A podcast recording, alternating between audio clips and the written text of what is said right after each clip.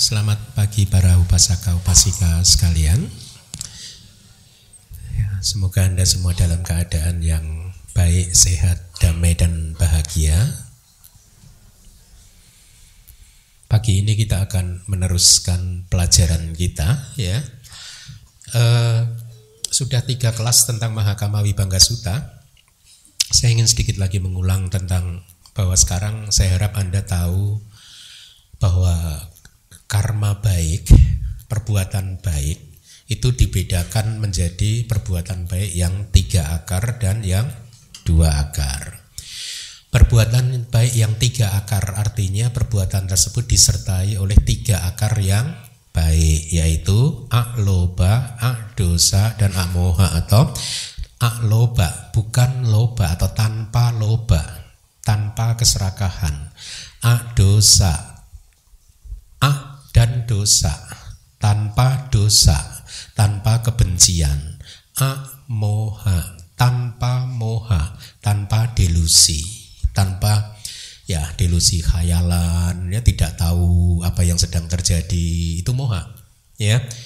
Nah karma yang tiga akar adalah karma yang diser, tidak disertai oleh tiga itu dengan kata lain ya tidak disertai oleh keserakahan tidak disertai oleh kebencian, tidak disertai oleh khayalan e, ketidaktahuan ya.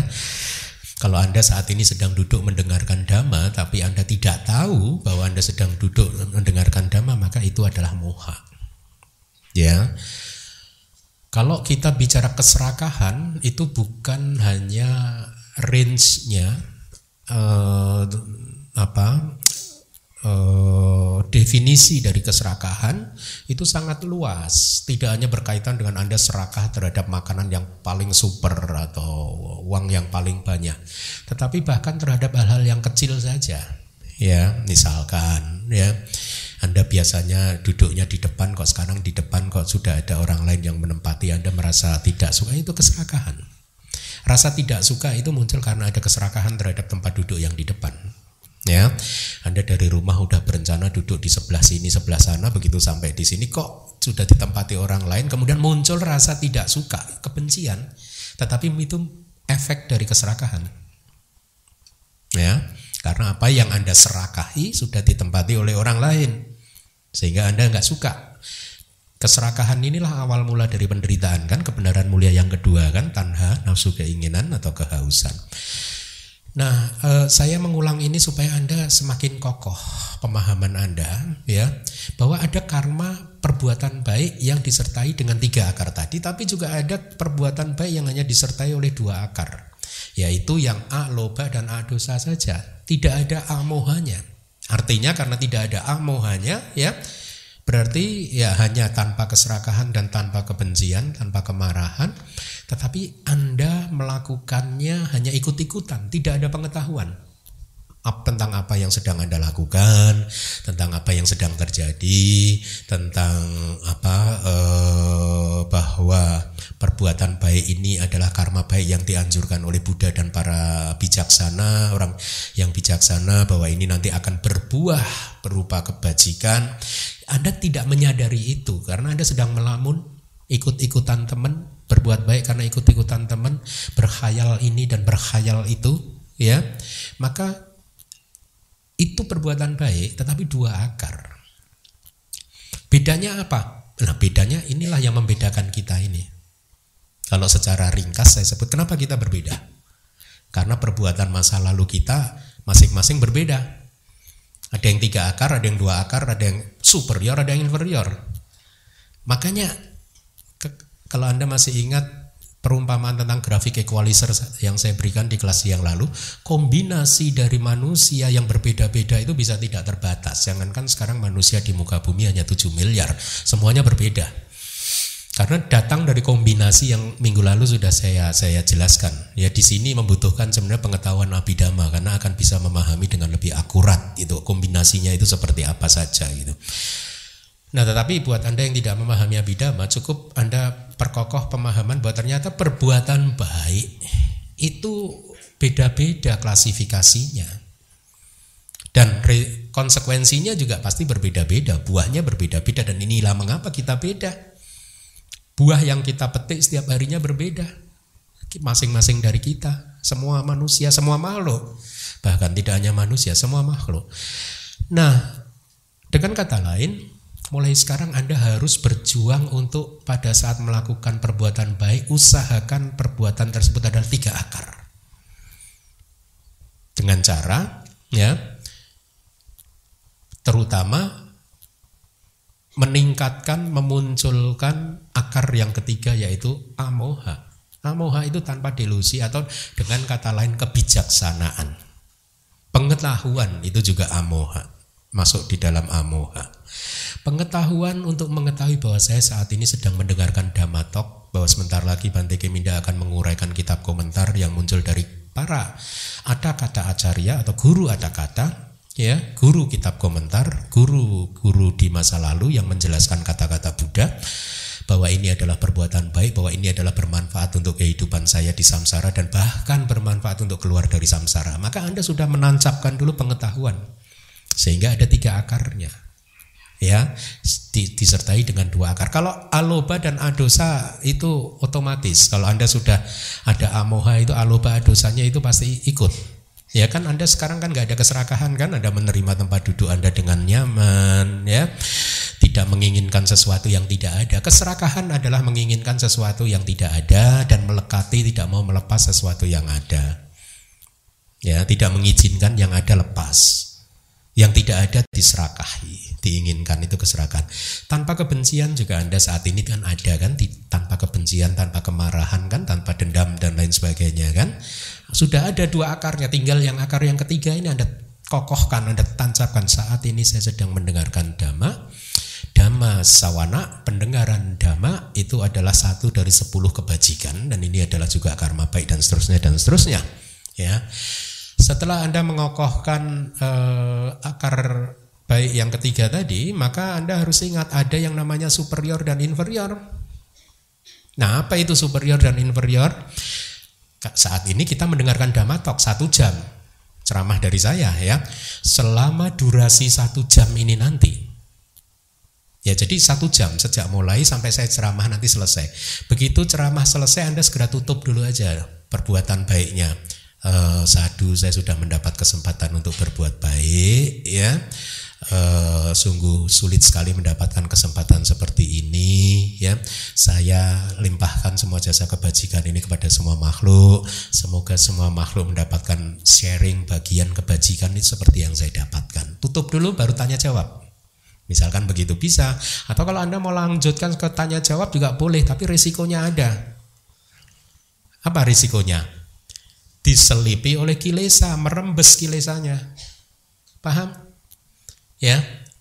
Akan lebih mudah menjaga batin untuk tetap positif selama mendengarkan dhamma talk ini satu jam. Ya. Kecuali Anda yang kepoh-kepoh itu kayak kira yang suka ganggu kiri kanan. Nah, udah itu udah inferior.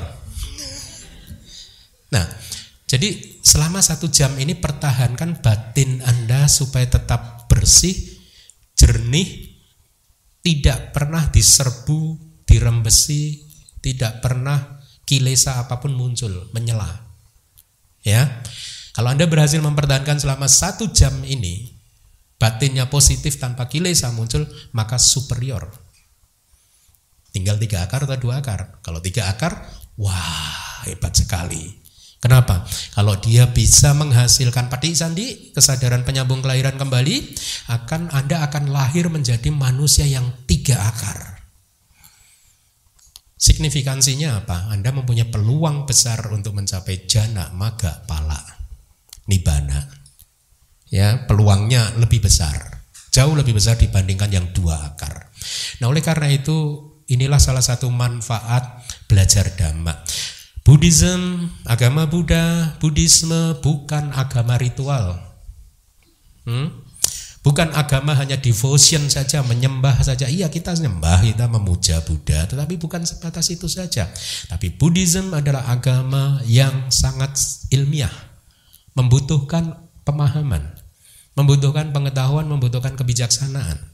Ya, karena hanya dengan pengetahuan Anda bukan dari ritual Anda, pengetahuan dan kebijaksanaan Anda, Anda bisa membangun, mengelola bangunan kehidupan Anda dengan baik. Ya. Kalau Anda pelajari kitab suci kita di seluruh kitab suci tidak ada Buddha kemudian kepret kepret kepret kepret nggak ada. Yang ada yang ada adalah Buddha berceramah, biku mendengarkan. Seperti ini. Ada penceramah, ada yang mendengarkan. Setelah itu praktek, setelah selesai praktek. Kita harus mengikuti kitab suci. suci. Saya tidak mengatakan ritual jelek loh ya. Saya tidak. Saya juga tidak tidak tidak menentang ritual gitu ya. Tetapi saya ingin anda lebih paham bahwa ajaran Buddhism itu jauh lebih dalam dari itu. Ya.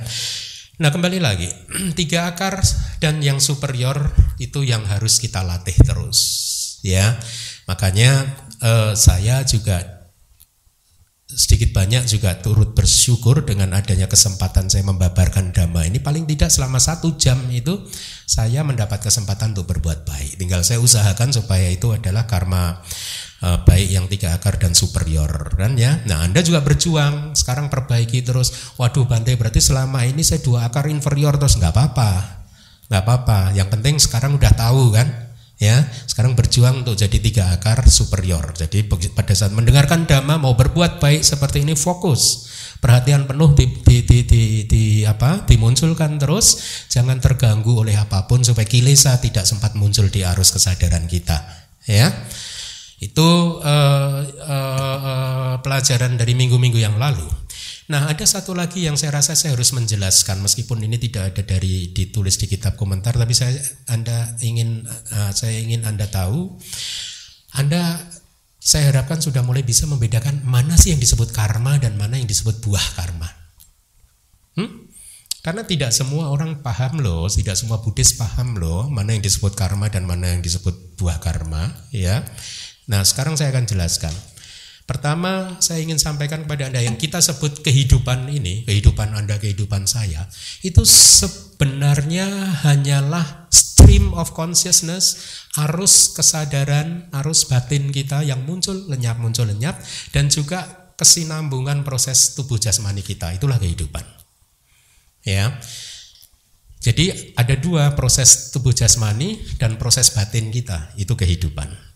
Tetapi proses kesadaran atau proses batin kita tidak akan pernah bisa muncul kalau tidak ada objek. Paham?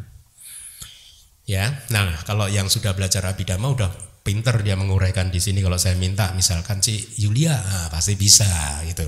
Ya mereka sudah belajar sangat detail. Tapi untuk anda saya saya pertama pahami bahwa apa yang anda sebut anda dan kehidupan itu sesungguhnya hanyalah dua rangkaian proses dari proses batin dan proses tubuh jasmani. Tetapi yang proses batin tidak pernah bisa muncul tanpa ada objek tapi proses tubuh jasmani bisa muncul tidak memerlukan objek tubuh kita ini. Tapi batin kita memerlukan objek. Kalau di kelas Abhidhamma isi biasanya saya beri perumpamaan korek api, kotak korek api, batang korek api. Selama kotak dan batangnya ini tidak bertemu tidak ada api, betul? Ya, begitu dia bertemu ada api. Ya, nah ini perumpamaan yang bagus. Katakanlah batang korek api itu adalah objek, kotak korek api itu adalah batin Anda. Pada saat batin bertemu dengan objek, muncul kesadaran untuk merasakan objek tersebut. Ya, nah bicara tentang kesadaran dibagi banyak lagi. Ada kesadaran mata, ya. Pada saat ini Anda melihat ke saya itu namanya kesadaran mata. Pada saat Anda mendengar suara saya itu namanya kesadaran telinga. Beda lagi. Makanya kalau di Sutta Buddha mengatakan api dibedakan berdasarkan kayunya, sumbernya. Kalau dari kayu kering, kayu jati ini api kayu jati. Kalau dari kayu apa misalkan mahoni ini api kayu mahoni gitu. Sama-sama api tapi dia sumbernya beda, namanya beda. Wujudnya berbeda. Ya, sama. Ini kesadaran mata dan kesadaran telinga beda. Bukan bukan sesuatu yang sama. Nah, selama ini mungkin Anda memahami ini adalah satu wujud yang kekal yang bisa sekaligus melihat, sekaligus mendengar dan lain sebagainya. Tidak seperti itu. Yang terjadi adalah Anda bisa melihat karena ada objek saya sebagai objek Anda yang bergesekan dengan mata Anda. Sehingga akhirnya apinya muncul, api Anda bisa melihat ke arah saya. Ya, kotak itu tadi bukan batin, kotak korek api tetapi landasan panca indera. Ya, begitu bertemu apinya muncul. Kalau tidak ada objek mata Anda bisa melihat. Hmm? Ya bisa kan? Ya. Kalau tidak ada suara Anda bisa mendengar. Ya bisa. Ya, justru karena ada suara maka ada mendengar. Kalau tidak ada suara tidak ada mendengar. Proses mendengar. Sama juga dengan pengalaman melalui indera hidung. Kalau tidak ada bau, aroma tidak ada penciuman. Tidak ada. Karena ini hubungan sebab dan akibat. Ima seming sati idang hoti. Ketika ini ada, itu, itu ada. Ima supada idang upajati. Dengan munculnya ini maka ini muncul. Begitu. Inilah anata. Bukan roh, bukan Anda tetapi hanya semata-mata proses alamiah saja. Nah, jadi di semua panca indera kita, mata, telinga, hidung, lidah, tubuh, prosesnya sama tadi. Kesadaran Anda bisa merasakan kan karena ada objek yang disentuh. Betul. Kalau nggak ada objek yang disentuh, Anda bisa merasakan nggak? Nggak ada yang bisa muncul. Apinya nggak muncul. Api dari korek apinya nggak muncul. Anata. Ya. Nah, ada yang keenam selain panca indera tadi, mata, telinga, hidung, lidah dan tubuh kan. Tubuh itu sentuhan, lidah merasakan makanan, ya. Kalau ini sentuhan. Yang keenam adalah proses kehidupan melalui pintu batin. Yang murni muncul di pintu batin. Tetapi sebenarnya ini dibedakan dua juga batin itu, ya. Ada proses batin yang mengikuti proses panca indera. Nah, ini udah abidama sekali. Saya pelan-pelan saya jelaskan karena ini nggak susah juga buat Anda. Proses batin yang murni batin ini dibedakan jadi dua. Satu, proses yang mengikuti prosesnya panca indera. Artinya begini, detik pertama Anda melihat saya, ya, tep, begitu Anda udah mulai tahu ini Bante Keminda, pemahaman Bante Keminda muncul dari hati Anda, bukan dari mata. Paham? Jadi proses mengenali Bante Keminda muncul melalui proses pintu batin yang mengikuti proses pintu mata Anda. Itu istilah teknisnya. Setelah Anda melihat, Anda kenal saya. Atau Anda tidak melihat ke arah saya tapi mendengar suara saya. Kemudian Anda tahu oh, ini suaranya Bante Keminda. Ya, telinga Anda tidak tahu ini siapa, tapi dia tahu itu ada suara. Tapi dia nggak ngerti ini suaranya siapa. Begitu Anda tahu ini suaranya Bante Keminda, proses itu munculnya di sini. Bukan di otak. Buddha nggak mengajarkan proses itu di otak, di hati. Uh, Buddhism, ya. Nah, uh, itu proses pintu hati, pintu batin yang mengikuti panca indera. Ya, semuanya Anda nanti makan di sana, waduh ini makanannya enak, itu prosesnya pintu hati, tapi mengikuti mata Anda. Jadi ada proses yang berurutan antara pintu panca indera dan proses pintu batin, ya. Tapi ada proses pintu batin lagi yang independen, yang tersendiri. Artinya apa? Tidak muncul melalui mengikuti panca indera. Nanti akan saya jelaskan. Jadi ada dua itu pahami dulu. Nah sekarang kembali lagi ke pertanyaan awal. Dari semua kehidupan yang sudah saya uraikan ini tadi, mana yang disebut karma, mana yang disebut buah karma?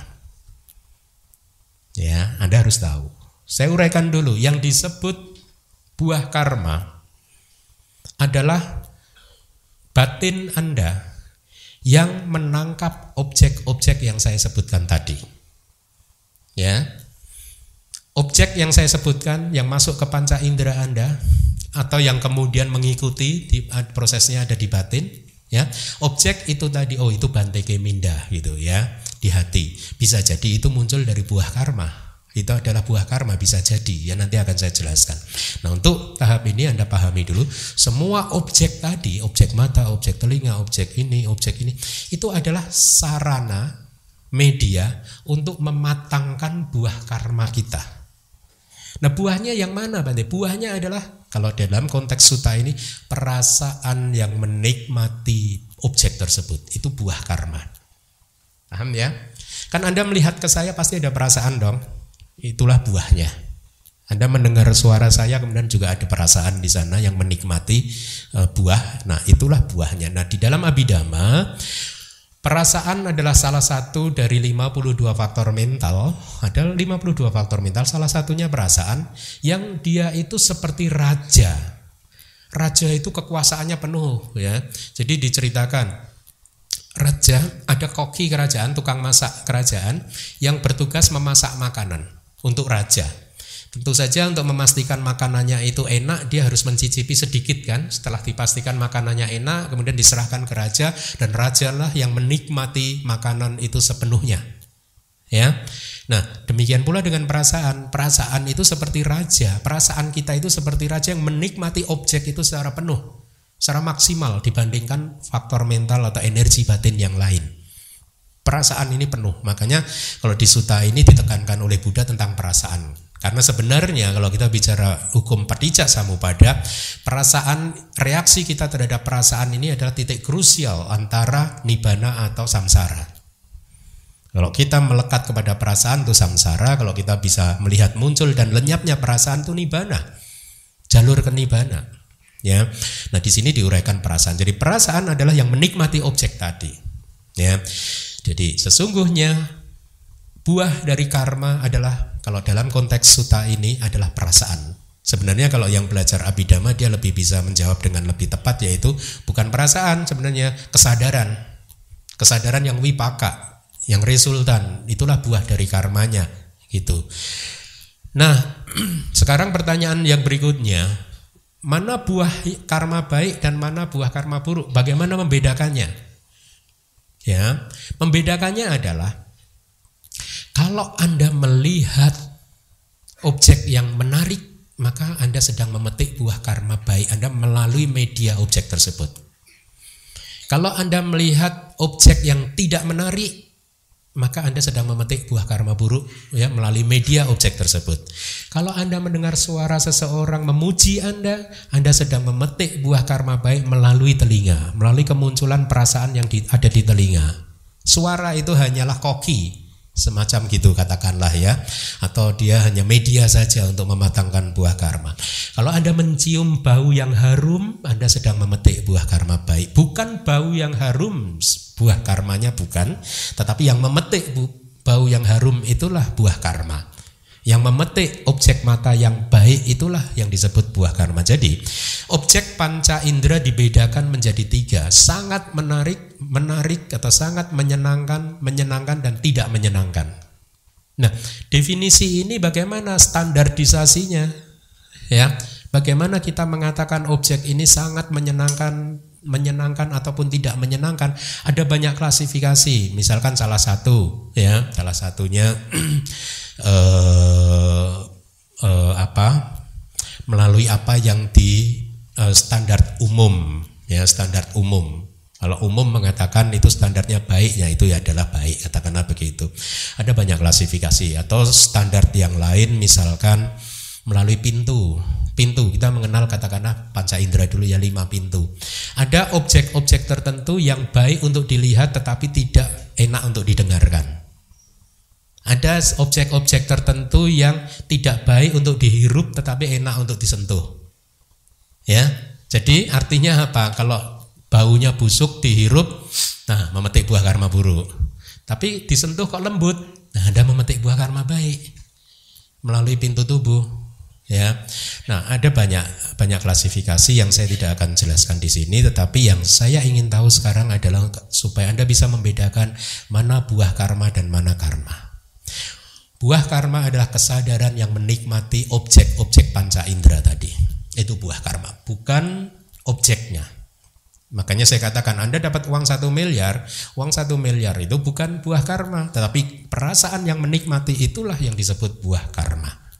Ya, nah, tetapi kemudian yang keenam tadi yang di hati bagaimana? E, bagaimana kita membedakan e, apa? buah karma yang muncul di hati.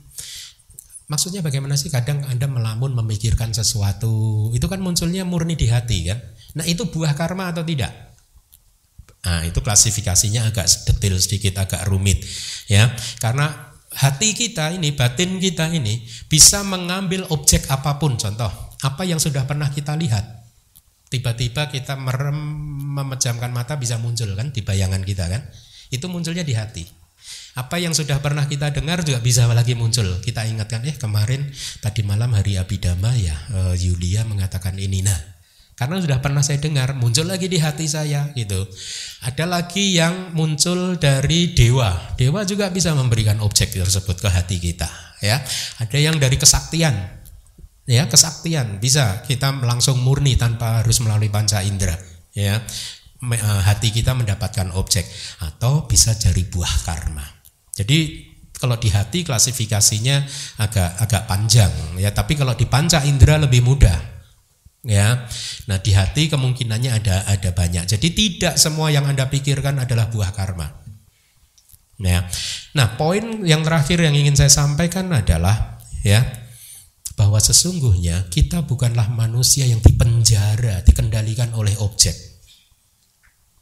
Itu poin. Artinya apa? Meskipun objeknya tidak baik, ya, hati kita bisa tetap damai. Ya, hati kita bisa tetap menerima dengan lapang dada. Tidak harus marah-marah. Inilah yang saya katakan, kita bukan makhluk yang dipenjara oleh objek. Ya, makanya kita tidak setuju dengan kata-kata misalkan saya marah gara-gara dia, nggak setuju kita. Hmm? Saya marah ya gara-gara saya ini pemarah. That's it, titik. Nggak ada nggak ada pembenaran lagi. Ya, Anda marah-marah, Anda Makanya di sini di DBS ini salah satu code of conduct ya dari volunteer ini yang memakai seragam salah satunya satu. Kalau ada perbedaan pendapat, siapa yang benar, siapa yang salah, memutuskannya tinggal ditanya siapa yang marah. Yang marah si A, oh ya udah itu salah gitu nanti. Lo Bante kok bisa salah kan dia itu tadi ngeyel Bante satu plus satu katanya tiga kan dua Bante karena dia nggak percaya saya marahi ya, ya kamu marah kamu yang salah. Lu berarti satu plus satu sama dengan tiga? Iya. Udah gitu aja.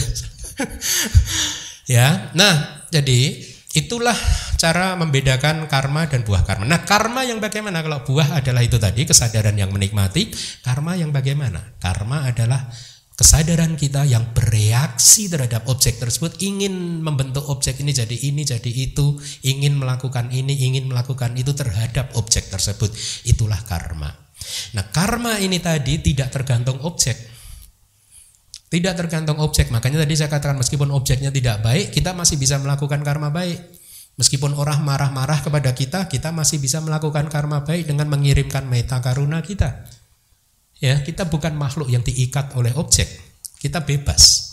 Ya, tapi kok kelihatannya kok terikat ya Bante. Kalau ada orang marah kok saya selalu santrap balik ya Bante. Ya itu bukan karena sifat. Kebiasaan. Ya. Nah, itu yang saya ingin Anda pahami ya. Nah, mari kita uh, masuk ke materi kelas Minggu lalu juga sudah saya sampaikan bahwa arus kesadaran kita ini seperti lampu pijar ini loh. Ini yang berpijar cepat sekali kan. Ya. Dia sebenarnya lampu ini muncul dan lenyap, muncul dan lenyap. Tidak tidak tidak solid begitu. Tapi kita mendapat kesan solid karena kecepatannya sangat tinggi. Ya, kecepatannya sangat sama dengan batin kita kita seolah-olah tertipu oleh persepsi kita bahwa batin kita ini batin yang solid yang sejak lahir sampai hari ini tidak berubah. Kita tidak bicara tentang kelahiran masa lalu dulu ya. Tidak berubah. Ya.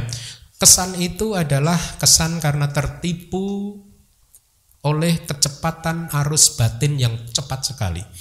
Dalam satu jentikan jari satu triliun batin kita muncul lenyap, muncul lenyap, muncul lenyap. Jadi Anda bisa bayangkan betapa cepatnya batin kita ini muncul dan lenyap. Itulah mengapa kita mendapatkan kesan inilah saya yang tidak berubah sejak lahir sampai sekarang. Ya, nah, tapi sesungguhnya tidak demikian. Di dalam satu jentikan satu triliun.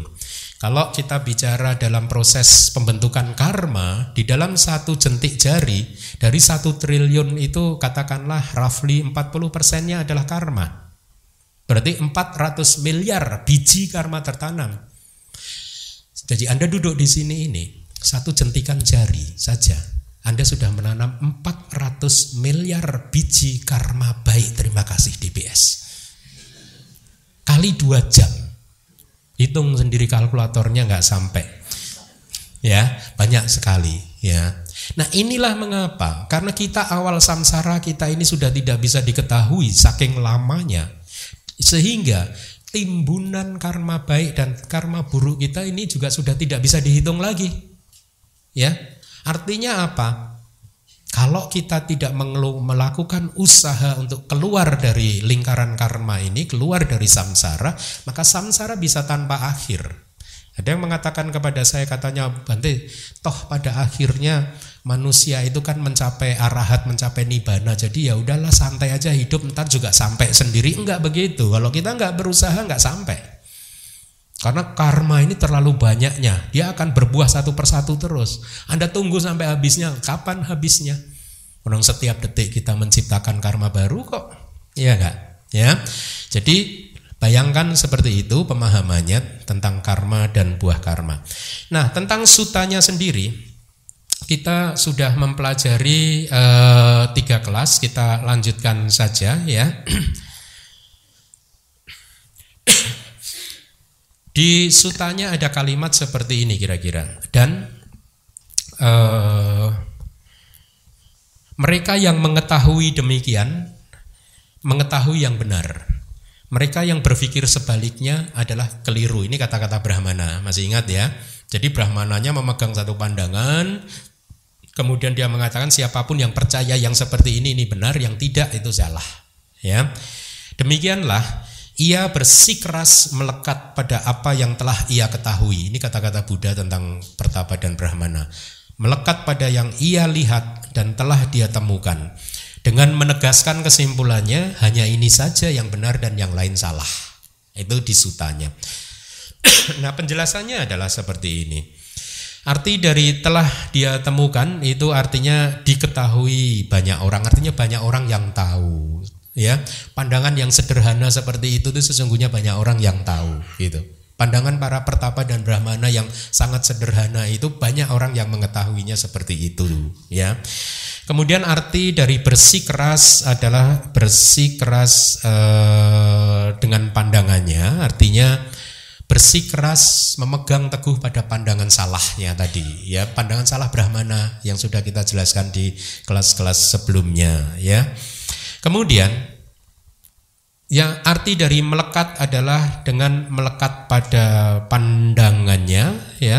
Artinya melekati pandangannya karena kekuatan dari pandangan salah. Jadi dia mempunyai pandangan salah itu poinnya. Kemudian di kitab sub komentar ada kalimat set, eh, Kenapa dia bisa melekat pada pandangan salah? Karena dia melewatkan atau tidak memperhatikan karakteristik alamiah dari dhamma. Artinya apa? Si Brahmana tadi tidak melihat karakteristik alamiah dari batin dan jasmani yang setiap detik itu muncul lenyap. Tidak sesederhana yang dia lihat seseorang melakukan karma buruk, mati kemudian lahir muncul. Hanya satu dua data kemudian disimpulkan. Dia gagal, dia melewatkan kesempatan untuk melihat bahwa tubuh jasmani ini muncul lenyap, bahwa batin itu muncul lenyap. Seandainya dia bisa melihat itu, maka dia akan melihat banyak kemungkinan. Bukan hanya karma ini saja yang bisa memunculkan kelahiran itu. Itu maksudnya ya. Kemudian menegaskan kesimpulannya hanya ini saja yang benar dan yang lainnya salah itu karena Brahmana menggenggam erat dan bersikukuh bahwa ini saja yang benar dan yang lain salah ya. Jadi tadi dikatakan bahwa yang memahami sebaliknya yang tidak seperti yang dipahami Pertapa dan Brahmana mereka memahami tidak seperti pemahaman Pertapa dan Brahmana maka mereka itu salah gitu ya. Mari kita lanjutkan. Kemudian Buddha mengatakan, dalam hal ini Ananda, ya, ketika seorang petapa dan brahmana mengatakan bahwa sesungguhnya ada perbuatan-perbuatan jahat, ada akibat dari perilaku salah, aku membenarkan ini. Jadi Buddha juga membenarkan sebagian. Ya tidak menyalahkan, ya benar. Memang ada perbuatan jahat, ada akibat dari perilaku salah. Ketika para brahmana mengatakan, aku melihat seseorang di sini yang membunuh makhluk hidup dan kemudian lahir di tempat yang lain, ya itu beliau juga membenarkan juga, ya. Tetapi ketika dia mengatakan bahwa semua yang melakukan karma buruk pasti lahir di neraka, malah Buddha tidak membenarkan. Ya, jadi poinnya adalah Buddha ada yang dibenarkan, ada yang tidak e, dibenarkan begitu. Nah, di sini E, dalam hal ini Ananda, penjelasan dari kitab komentarnya, pada saat itu pun sebenarnya kitab komentar menjelaskan bahwa ini pun bukan uraian pengetahuan Mahakama Wibangga, belum masuk kepada uraian analisis karma secara lengkap, melainkan hanya penyusunan matriks saja. Ya minggu lalu sudah saya sampaikan kan ada empat kan matriksnya kan, ya. E, saya harap anda masih ingat ya nah, di sutanya ada seseorang melakukan karma buruk lahir di neraka, ada seseorang melakukan karma buruk lahir di surga, ada seseorang melakukan karma baik lahir di neraka, ada seseorang melakukan karma baik lahir di surga. Ya, jadi ini belum kama wibangga, maha kama wibangga, belum analisis secara lengkap. Ya. Jadi di sini di tahapan ini Buddha hanya memberikan batasan sejauh seperti yang disampaikan di paragraf di dalam sutanya tadi ya yang sudah saya bacakan tadi sebelumnya jadi di situ ada yang sebagian Buddha setuju dan ada yang sebagian yang tidak setuju gitu. Akan tetapi di sini ada kata ya masih mengatakan bahwa itu bukan maha kama wibangga ya hanya matrik saja. Kemudian Buddha mengatakan saya tidak membenarkannya. Artinya apa? Penjelasan dari kata kata bahwa Buddha tidak membenarkan kata-kata para pertapa dan brahmana di paragraf eh, tersebut ya. Iya, mungkin saya perlu bacakan supaya untuk refresh ingatan Anda. Jadi kalimat di sutanya itu kira-kira begini, sesungguhnya ada perbuatan-perbuatan jahat, ada perilaku dari akibat dari perilaku yang salah. Pada saat itu Buddha membenarkan, aku membenarkan ini, ya. E, kemudian e, seseorang melakukan karma buruk setelah kematian dia muncul di neraka, saya membenarkan ini. Kira-kira begitu kan? Tetapi kemudian pada saat semua orang harus lahir di sana, saya tidak membenarkannya. Itu kata-kata Buddha. Dan ketika ia dengan keras kepala melekat pada pandangannya bahwa ini saja yang benar dan yang lain salah, Buddha juga tidak membenarkan. Itu ya yang dimaksud um, Buddha membenarkan dan Buddha tidak membenarkan. Nah, kalimat dari kitab komentar ada penjelasan seperti ini. Jadi, ajaran-ajaran para pertapa dan brahmana di sini ya Buddha setuju dalam dua keadaan, ya. Disebutkan tisu nyata. Ada tiga kondisi yang beliau tidak setuju, ya. Dari yang tadi saya sudah sebutkan, Anda bisa cek nanti di sutanya, ya. Demikianlah hendaknya kata kitab komentar dipahami semua yang disetujui oleh Buddha dan yang beliau tidak setuju Anda harus paham ya. Kenapa beliau tidak setuju juga sudah dijelaskan di kelas awal ya. Mari kita lanjutkan. Setelah menjelaskan persetujuan dan tidak bersetuju, tidak setuju, berkaitan dengan kata-kata mereka yang memiliki mata dewa, artinya berkaitan dengan klaim dari pertapa dan brahmana, maka sekarang Buddha merinci pengetahuan analisis lengkap tentang kama atau bahasa palinya maha kama wibangga. Oleh karena itu beliau berkata, dalam hal ini Ananda, seorang pertapa dan seterusnya, ya sutanya itu begini. Dalam hal ini Ananda, sehubungan dengan orang yang membunuh makhluk hidup dan seterusnya, sepuluh karma buruk kan, ketika hancurnya jasmani, artinya setelah mati, ya, setelah kematian, dia muncul kembali dalam kondisi menderita, lahir di alam yang bawah, ya, bahkan di neraka. Buddha menjelaskan tidak sesederhana kira-kira ini kalimat saya sesederhana apa yang dilihat pertapa dan brahmana tetapi Buddha menjelaskan lebih detail karena apakah sebelumnya telah melakukan perbuatan jahat? Sebelum itu ya sebelum karma yang dilihat oleh pertapa dan brahmana itu kan sebelumnya dia juga hidup. Satu detik satu triliun 400 miliar karma. Jadi sebelumnya itu banyak sekali timbunan karma yang kemungkinan salah satunya adalah yang membuat dia lahir itu ya jadi sebelumnya atau belakangan sesudahnya, sesudah karma yang dilihat oleh pertapa dan brahmana tadi atau menjelang kematiannya, ya. Makanya saya pernah berceramah kan, kualitas batin Anda seperti apa di detik terakhir di kehidupan Anda itulah yang akan membawa Anda lahir di tempat yang cocok dengan kualitas batin tersebut. Ya. Nah, eh, jadi ada tiga yang dijelaskan Buddha kalau Brahmana hanya melihat hubungan sebab dan akibat, seseorang melakukan karma, kemudian dia lahir di sini, Buddha mengatakan enggak, selain ini masih ada tiga lagi kemungkinannya. Sebelum ini, kan banyak sekali, sesudah ini, kan sesudah dia melakukan juga masih melakukan karma. ya. Kemudian menjelang kematiannya, Jadi ada tiga. Ya, ada empat berarti kalau yang dengan Brahmana kan.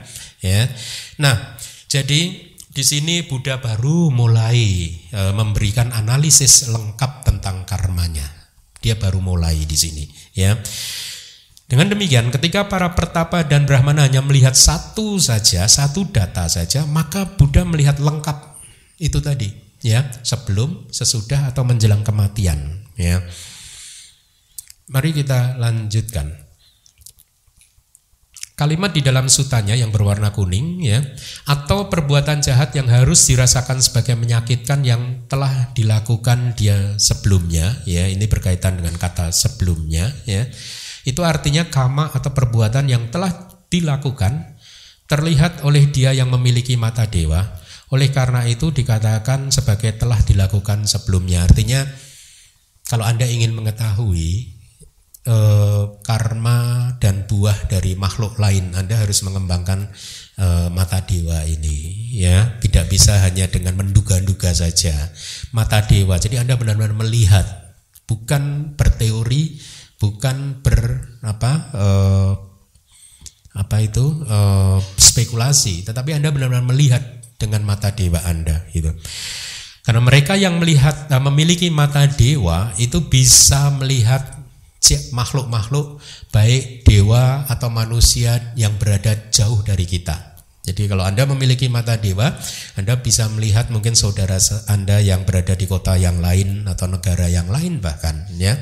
Bahkan Anda juga bisa melihat makhluk yang memiliki kualitas tubuh jasmani yang sangat lembut, dewa, Brahma dan lain sebagainya ya atau Anda juga bisa melihat makhluk yang lahir di alam-alam tertentu dan meninggal kemudian lahir lagi. Nah, itu semua adalah kemampuan yang bisa didapat kalau seseorang mempunyai mata dewa, ya. Selanjutnya, seseorang lahir di neraka dikarenakan oleh satu diulang lagi di kitab komentar eh, apa yang sudah saya sampaikan tadi satu Kama yang telah dilakukan sebelumnya, artinya karma yang telah dilakukan sebelum karma yang dilihat oleh pertapa dan brahmana. Ya. Dua, sesudahnya, artinya sesudah karma yang dilihat oleh pertapa dan brahmana. Tiga, ketika di momen kematian muncul pikiran ya yang disebabkan oleh pandangan salah. Nah ini bahaya ini. Oh anak laki-laki yang terbaik. Anda bisa kalau misalkan seseorang bukan anda lah ya. Orang pada saat menjelang kematian tiba-tiba oh anak saya masih nah itu pandangan salah loh hati-hati loh ya karena sesungguhnya tidak ada anak saya nggak ada loh. Yang ada adalah panca kanda lima agregat. Oh, itu adalah dewa pencipta. Ya, di sini Siwa dan Isara. Nah, aman saya. ya, itu pandangan salah juga. Makanya hati-hati, jangan menggantungkan kehidupan Anda pada dewa pencipta Siwa Isara ini, ya. Karena itu pandangan salah, ya. Ini adalah dewa yang terbaik, Brahma yang terbaik atau dunia ini diciptakan oleh dewa pencipta, Brahma, Pajapati dan lain-lain. Ini semua adalah ekspresi pandangan salah. Seseorang meninggal dengan pikiran yang salah seperti ini, selanjutnya dia akan masuk di frekuensi radio SW, short wave, kresek kresek kresek kresek kresek gitu.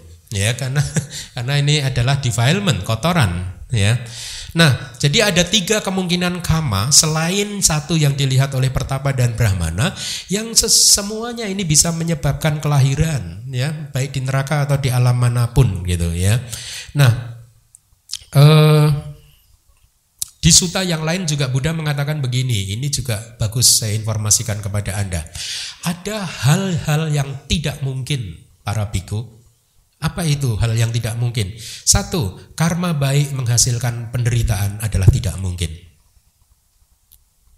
Dua, karma buruk menghasilkan kebahagiaan itu adalah juga hal yang tidak mungkin. Jadi pahamilah, kalau Anda ingin bahagia, lakukan karma baik. Loh, tapi saya melanggar sila malah bahagia loh Bante. Nah ini Anda berarti pertapa dan brahmana tadi. Oh melanggar sila kok bahagia? Saya melanggar sila bahagia Bante. Nah ini kayak pertapa dan brahmana tadi loh. Ini sebab, ini akibat. Nah, Buddha kan mengajarkan sebelum ini ada, sesudah ini ada, ya kan? Jadi belum tentu kebahagiaan itu muncul dari pelanggaran sila kan akhirnya begitu. Nah sekarang dipertegas lagi oleh Buddha, no way. Dalam hal apa pun, karma buruk bisa menghasilkan kebahagiaan.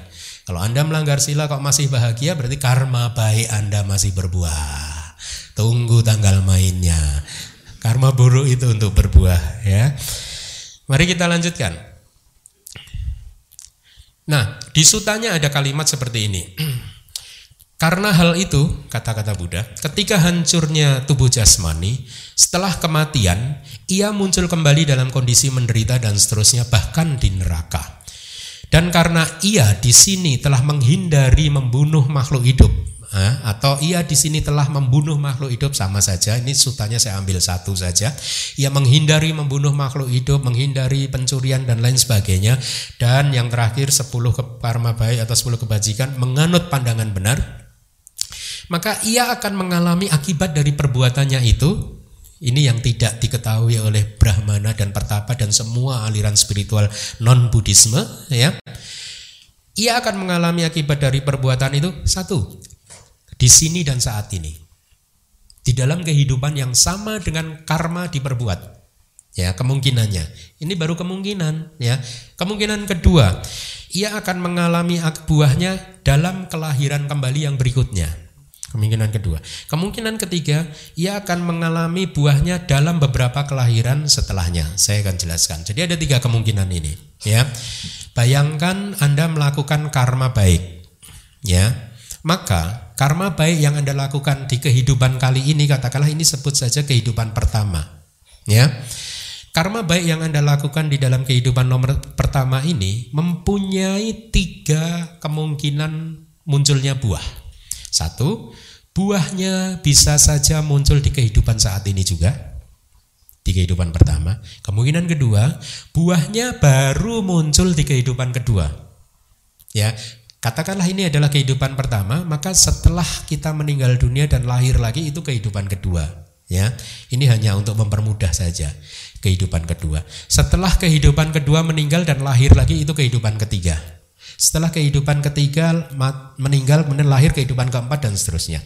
Jadi kita batasi dulu satu dua tiga kehidupannya. Anda melakukan karma baik di kehidupan sekarang, buahnya kemungkinannya tiga. Lat, uh, waktu atau musim berbuahnya itu ada tiga. Bisa berbuah di kehidupan saat ini juga, atau bis, hanya bisa berbuah di kehidupan kedua, hanya bisa, tidak bisa berbuah di kehidupan pertama dan ketiga, atau hanya berbuah di kehidupan ketiga dan seterusnya sampai di kehidupan terakhir sebelum dia keluar dari nibbana. Selama di samsara dia akan terus menikmati eh, kemungkinan menikmati buah dari perbuatan baiknya. Jadi semua perbuatan kita itu kemungkinannya seperti itu, baik itu karma baik ataupun karma buruk. Paham? Ya. Jadi kalau Anda melakukan karma baik, kemungkinannya tiga ini. Ya, dengan kata lain kalau kita tarik ke kehidupan kita sebelum yang saat ini, semua rumusnya juga sama. Atau dengan kata lain, bisa jadi karma yang membuat kita lahir sebagai manusia saat ini itu adalah karma yang kita lakukan satu juta tahun yang lalu. Anda harus melihatnya panjang seperti itu. Kemungkinan itu ada. Atau bahkan mungkin satu miliar, dua miliar tahun yang lalu. Atau bahkan ini karma yang kita lakukan pada saat kita hidup sebagai manusia menjadi muridnya Buddha di Pangkara misalkan. Ya, yang berapa miliar tahun. Ya. Nah, jadi panjang sekali karena tadi Buddha kan mengatakan kan sebelum, sesudah dan menjelang kematian. Sebelumnya ini panjang sekali. Nah, jadi jangan berpikir sederhana bahwa ini perbuatan baik ini adalah akibatnya. Kemungkinannya itu ada banyak sekali. Nah, Lalu apa yang dimaksud dengan di sini dan saat ini? Pertama, artinya yang buahnya harus dialami di sini dan di tempat itu. Itu adalah yang dimaksud dengan di sini dan saat ini. Artinya sebenarnya karma diperbuat di kehidupan saat ini, buahnya juga di kehidupan saat ini. Ya. Yang kedua, yang buahnya harus dialami di kelahiran berikutnya adalah disebut setelah lahir. Artinya eh, itu adalah Karma dilakukan di perbuatan saat ini, buahnya baru dipetik setelah kita lahir lagi di kehidupan kedua. Yang ketiga, buahnya senantiasa mengikuti adalah e, mengalami buah di putaran kelahiran berikutnya. Artinya begini, kita melakukan karma di kehidupan sekarang, tetapi buahnya baru tiba musimnya nanti di kehidupan ketiga, keempat, kelima, keenam sampai kehidupan terakhir, nggak tahu kapan itu. Ya, kalau Anda tidak berjuang, ya tidak ada akhirnya. Muter terus, ya. Nah, eh, di kitab subkomentarnya penjelasannya lebih spesifik, lebih akurat. Begini, yang disebut karma yang buahnya harus dinikmati di sini dan saat ini artinya penjelasan dari kitab subkomentar, ada kama atau karma yang buahnya dialami di rangkaian agregat yang sama. Nah, ini lebih akurat. Ya, karena dalam satu kehidupan ini kita satu rangkaian agregat di dalam satu kehidupan ini. Jadi karma dan buahnya muncul di dalam satu rangkaian agregat. Ya, itu abidama sekali. Kitab subkomentar kemudian menjelaskan yang kedua, yang buahnya harus dialami di kelahiran berikutnya itu dutia bawe nibati tua. Artinya buahnya muncul di kehidupan yang kedua, ya, atau buahnya diproduksi di kehidupan yang kedua. Penjelasan untuk yang ketiga yang buahnya senantiasa mengikuti ya, di kitab sub komentarnya apa seming pria yeti anya seming yata kataci bawe. Artinya ada yang buahnya dialami di kelahiran yang lainnya kapan pun dan di mana pun. Nah, sama kan? Ya kapan pun di mana pun. Dia selalu menunggu musim untuk berbuah bisa di kehidupan ketiga dan seterusnya ya nah di Abhidhamma juga diajarkan satu jenis kama lagi yang disebut kama ahosi. Ahosi itu artinya apa sih? Ada di masa lalu, tapi sekarang sudah nggak ada lagi. Karmanya itu ada, tapi sekarang udah nggak ada. Masa lalu ada. Nah ini istilah teknis dari kama ahosi. Ya, jadi artinya begini. Kalau anda melakukan karma yang buahnya harus berbuah di kehidupan sekarang, tetapi di sepanjang kelahiran kehidupan yang sekarang ini, karma tersebut tidak mendapatkan kondisi untuk berbuah. Akhirnya Anda meninggalkan kehidupan dan ini dan kemudian lahir di surga. Ya, seneng kan? Anda lahir di surga semuanya atau lahir ke manusia? Enak mana? Di surga nggak ada sangga loh. ya, anda lahir di surga atau Anda masuk lagi lahir sebagai manusia lagi, maka karma yang tadi yang harus berbuah di kehidupan Anda sebelumnya tadi udah menjadi ahosi. Di kehidupan Anda sebelumnya ada, tapi di kehidupan baru Anda udah nggak ada lagi. Kehilangan potensinya atau bahasa obat-obatannya expired. udah expired, udah nggak bisa dipakai lagi, ya. Nah, sama, karma yang buahnya harus berbuah di kehidupan kedua. Kalau Anda di kehidupan kedua sepanjang kehidupan itu tidak ada kondisi yang membuat karma itu berbuah, kemudian Anda meninggalkan kehidupan yang kedua, lahir lagi sebagai manusia atau sebagai dewa, maka karma itu tadi expired lagi. Itu karma yang disebut ahosi. Artinya apa? Saya, saya sampaikan ini supaya Anda tahu bahwa karma itu bisa dibuat untuk tidak berbuah. Lebih kepada poin yang ingin saya sampaikan, kalau Anda sudah melakukan karma buruk, jangan hidup di masa lalu itu. Jangan menyesalinya. Lakukan segala usaha supaya karma buruk itu tidak berbuah. Itu pesan yang ingin saya sampaikan, ya. Tidak semua karma harus berbuah. Paham? Jangan khawatir dengan karma. Tidak semua karma berbuah. Ya karena kalau semua karma berbuah, apa yang terbaik yang kita lakukan? Bendera putih, ciapagun. Karena udah terlalu banyak kan jumlahnya kan. Deposito karmanya kan banyak. Kalau harus berbuah satu persatu kapan selesainya? Ya, hmm, jangan khawatir. Karma bahkan bisa dihancurkan. Hancurkan. Dewa Data, eh sorry, Anggulimala dia melakukan karma buruk berapa banyak hancur semuanya kan setelah dia keluar dari samsara semuanya bye-bye ya ya mari kita lanjutkan jadi Pertapa atau Brahmana ini hanya melihat satu kategori kama dan satu kategori hasil. Sementara itu, sama Sang Buddha atau Buddha Guru Agung kita melihat tiga kategori kama dan dua kategori hasil yang tidak terlihat oleh orang tersebut. Ini dari kitab komentar ya. Penjelasannya seperti ini. Ekang kamara sinti panati patadi bedana ekang kama samudayang. Yang disebut satu kategori adalah satu asal mula kama saja, yang dilihat oleh Pertapa dan Brahmana. Misalnya kama pembunuhan makhluk hidup.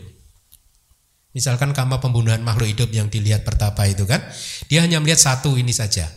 Ya. Tetapi Buddha tidak melihat seperti itu, ya. Yang membedakannya dengan Buddha, ya. Eh, saya bacakan dulu kitab komentarnya Ekang Wipakara Sinida Sewan. Satu kategori buah yang dilihat Brahmana adalah satu asal mula buah melalui faktor kama tersebut. Jadi di slide Pertapa dan Brahmana hanya melihat satu kategori kama dan satu kategori hasil, paham ya? Dia hanya melihat karma pembunuhan, kemudian lahir di surga. Ya, tapi Buddha tidak seperti itu. Dia beliau melihat tiga kategori kama dan dua kategori uh, hasil. Nah, Mari kita lihat. Yang terlihat oleh pertapa atau brahmana dengan menggunakan mata dewa tersebut ya, ya seperti yang dijelaskan satu kategori kama dan satu kategori hasil sementara Buddha melihat tiga kategori kama yang lainnya, yang lainnya berarti sebenarnya yang dilihat empat, satu yang dilihat brahmana dan tiga yang lainnya ya, yaitu tadi kama yang dilakukan sebelumnya, Kama yang dilakukan sesudahnya atau menjelang kematian. Jadi ada empat kan ditambah satu kan, ya. Dua kategori hasil yang tidak terlihat oleh para pertapa dan brahmana tapi terlihat oleh Buddha itu adalah apa? Dita dama wedania kama artinya apa? E, kama yang harus dialami di kehidupan saat ini ini tidak dilihat oleh brahmana. Dia hanya melihat melakukan karma buruk kemudian lahir. Tapi dia tidak melihat bahwa karma bisa dirasakan di kehidupan saat ini juga. Ada yang begitu. Itu nggak terlihat. Kemudian satu lagi yang tidak terlihat oleh Brahmana adalah bahwa karma bisa muncul tidak hanya di kelahiran yang ini, kedua ini, ketiga, keempat, kelima. Ini juga tidak dilihat oleh Brahmana. Ya, berarti makanya dikatakan sama Sam Buddha melihat tiga kategori kama dan dua kategori hasil yang tidak dilihat oleh orang tersebut. Tapi Buddha melihat apa yang dilihat oleh Pertapa dan Brahmana tadi. Begitu ya. Kemudian dengan demikian beliau melihat empat kategori kama dan tiga kategori buah yang terlihat dan tidak terlihat oleh orang tersebut. Apa saja empat kategori kama ya? Karma yang dilihat oleh Pertapa Brahmana satu. Karma yang tidak dilihat yaitu yang sebelumnya, yang sesudahnya, menjelang kematian. Kemudian tiga kategori buah apa? Buah yang dilihat oleh pertapa Brahmana itu dilihat oleh Buddha. Buah yang muncul di kehidupan saat ini satu. Buah yang muncul setelah yang dilihat pertapa Brahmana tadi, mulai kehidupan ketiga, keempat dan seterusnya. Ya, itu yang dimaksudkan. Ya. Kemudian Inilah ini dari kitab komentar tujuh tingkatan pengetahuan tentang pemahaman yang dinamakan pengetahuan tata gata mengenai analisis lengkap tentang kama. Jadi inilah sebenarnya maha kama wibangga suta.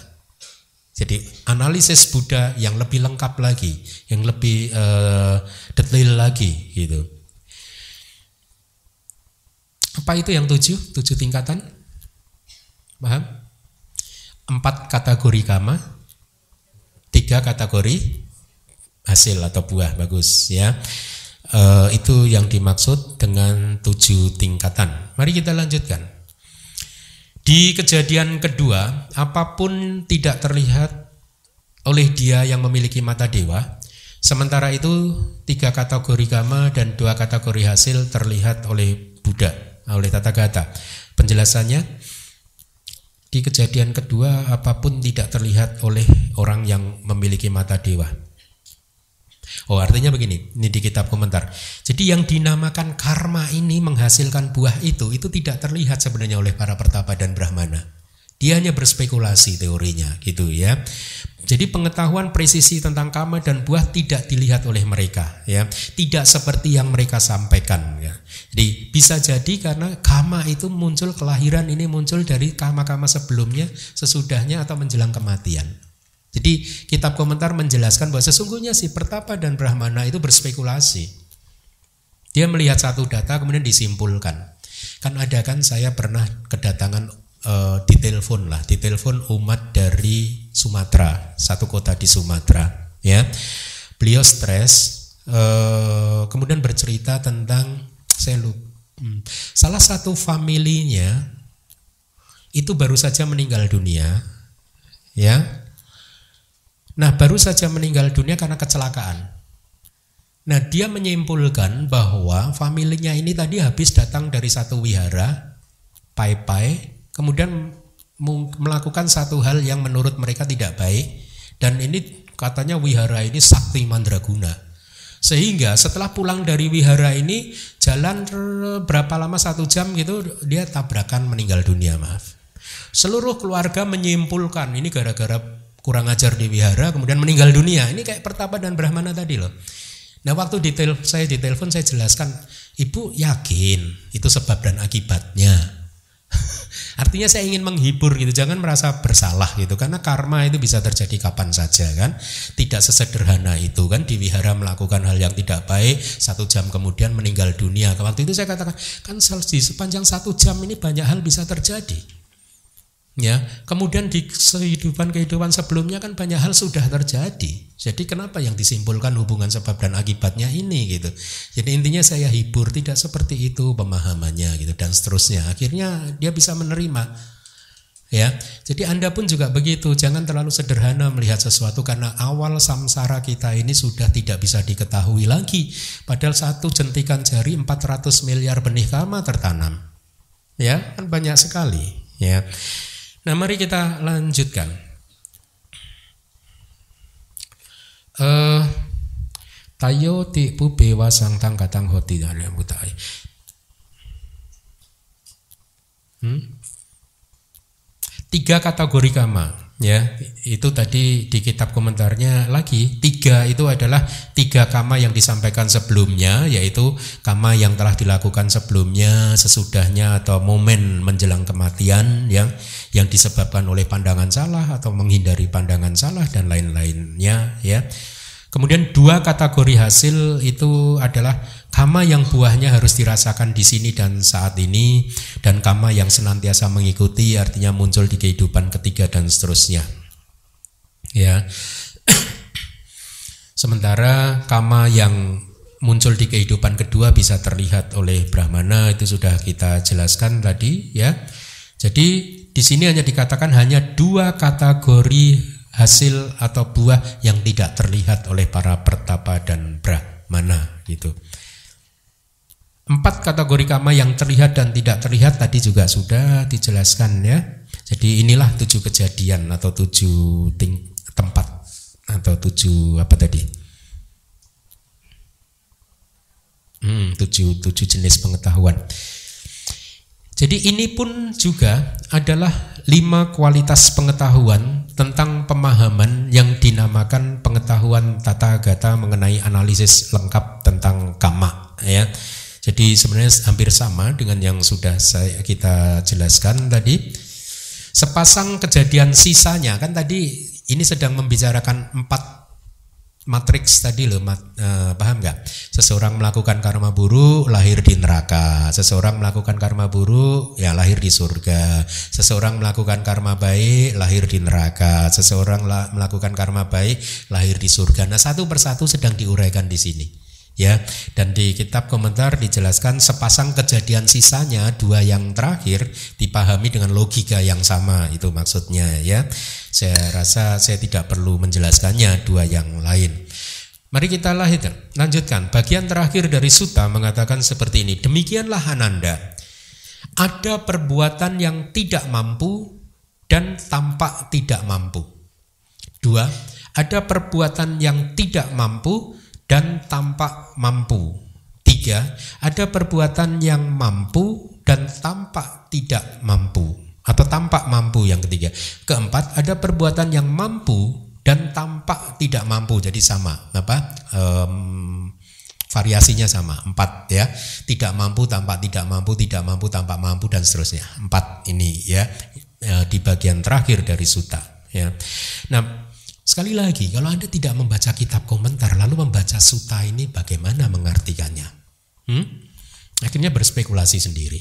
Ya. Oleh karena itu pembabaran kitab suci sesuai dengan kitab komentar dan kitab subkomentar itu menjadi sangat penting. Saya sebagai guru juga lebih senang begitu karena mencegah saya untuk berteori sendiri, mencegah saya untuk berspekulasi sendiri karena ada pertanggungjawaban moral juga kan dari sayanya kan, ya.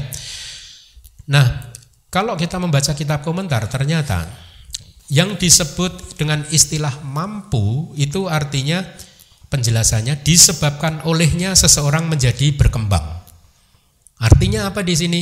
Karma baik. Maka itu kurung itu dari saya. Penjelasan dari mampu adalah karma yang menyebabkan seseorang berkembang. Kalau dengan bahasa saya, karma yang membuat Anda naik karirnya. Hah? Meniti karir, karirnya Anda meningkat. Jadi bos, jadi direktur. Karma baik yang bisa begitu, ya. Kemudian yang disebut tidak mampu adalah dhamma yang tidak baik atau karma yang tidak baik sama saja dhamma yang tanpa pertumbuhan nah, dengan kata lain karma buruk tidak akan pernah bisa membuat anda tumbuh dan berkembang ya karena karma buruk adalah tanpa pertumbuhan tidak ada karir meningkat gara-gara karma buruk Loh tapi ada kok tetangga saya karirnya bagus Bante padahal dia lima sila dilanggar semua Untung ada lima Kalau ada enam juga dilanggar semua Enam enamnya tujuh Ya itu kan ada karma yang sebelumnya, ya kan? Ada sesudahnya, gitu, ya pemahamannya, gitu. Nah, terlihat tidak mampu sekarang. Apa artinya? Tidak mampu menyinari atau uh, saya jelaskan di situ dalam kurung tidak mampu menaklukkan buah karma lain, tidak mampu mengusir buah karma lain. Jadi karma mampu dan tidak mampu terlihat tidak mampu itu seperti itu ya. Nah, saya bacakan lagi sutanya supaya Anda makin paham. Demikianlah Ananda. Satu, ada perbuatan yang tidak mampu dan tampak tidak mampu. Ada perbuatan yang tidak mampu dan tampak mampu. Ada perbuatan yang mampu dan tampak mampu. Keempat, ada perbuatan yang mampu dan tidak tampak mampu. Nah, sekarang Anda sudah paham. Mampu itu apa? Karma baik karena membuat kita berkembang, karir kita meningkat. Tidak mampu karma buruk karena tanpa pertumbuhan. Terlihat mampu, kenapa? Mampu mengusir buah karma yang lain. Mampu menyinari, mampu menaklukkan buah karma lain atau mampu menaklukkan karma lain juga supaya tidak bisa berbuah. Ya kalau mau lebih detail. Sebenarnya karma itu bisa mencegah karma lain supaya tidak berbuah satu, dua, dia bisa menghentikan karma lain yang sedang berbuah. Itu yang dikatakan terlihat tidak mampu atau terlihat mampu.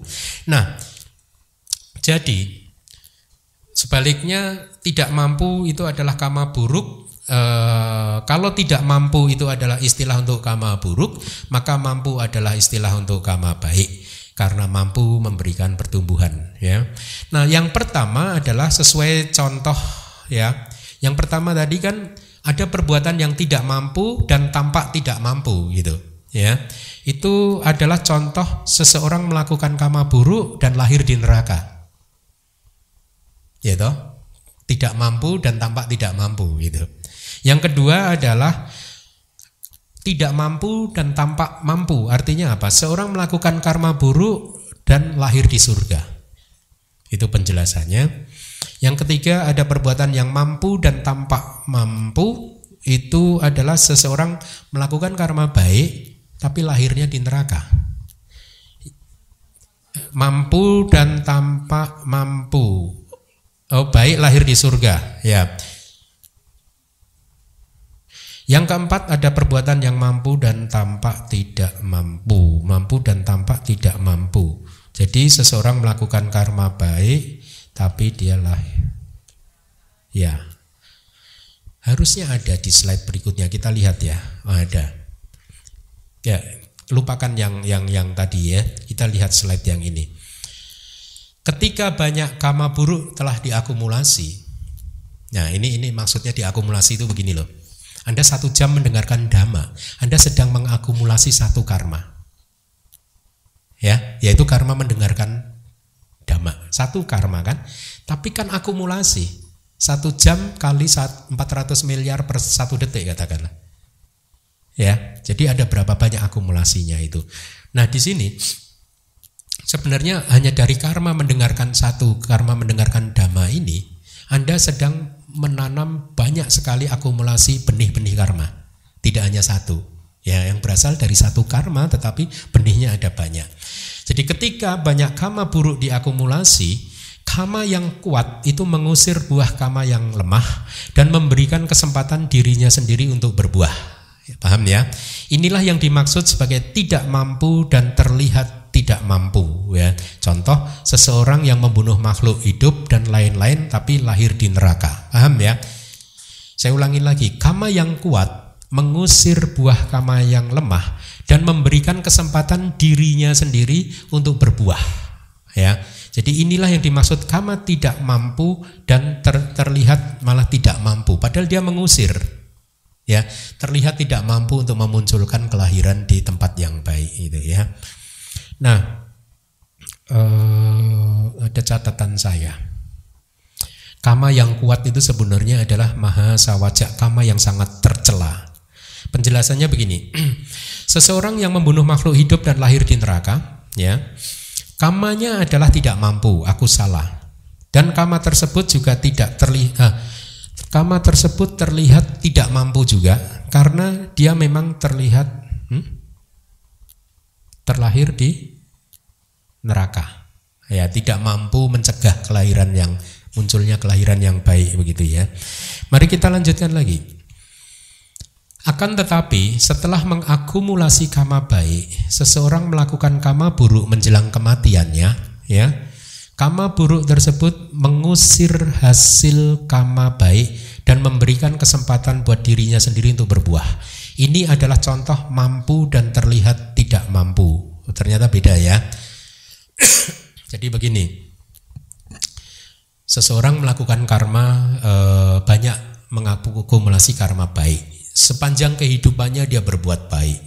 Ya katakanlah begitu. Tetapi di detik terakhir menjelang kematiannya pikiran terakhirnya itu dipenuhi dengan hal-hal yang tidak baik ya atau di sini seseorang melakukan karma buruk menjelang kematiannya.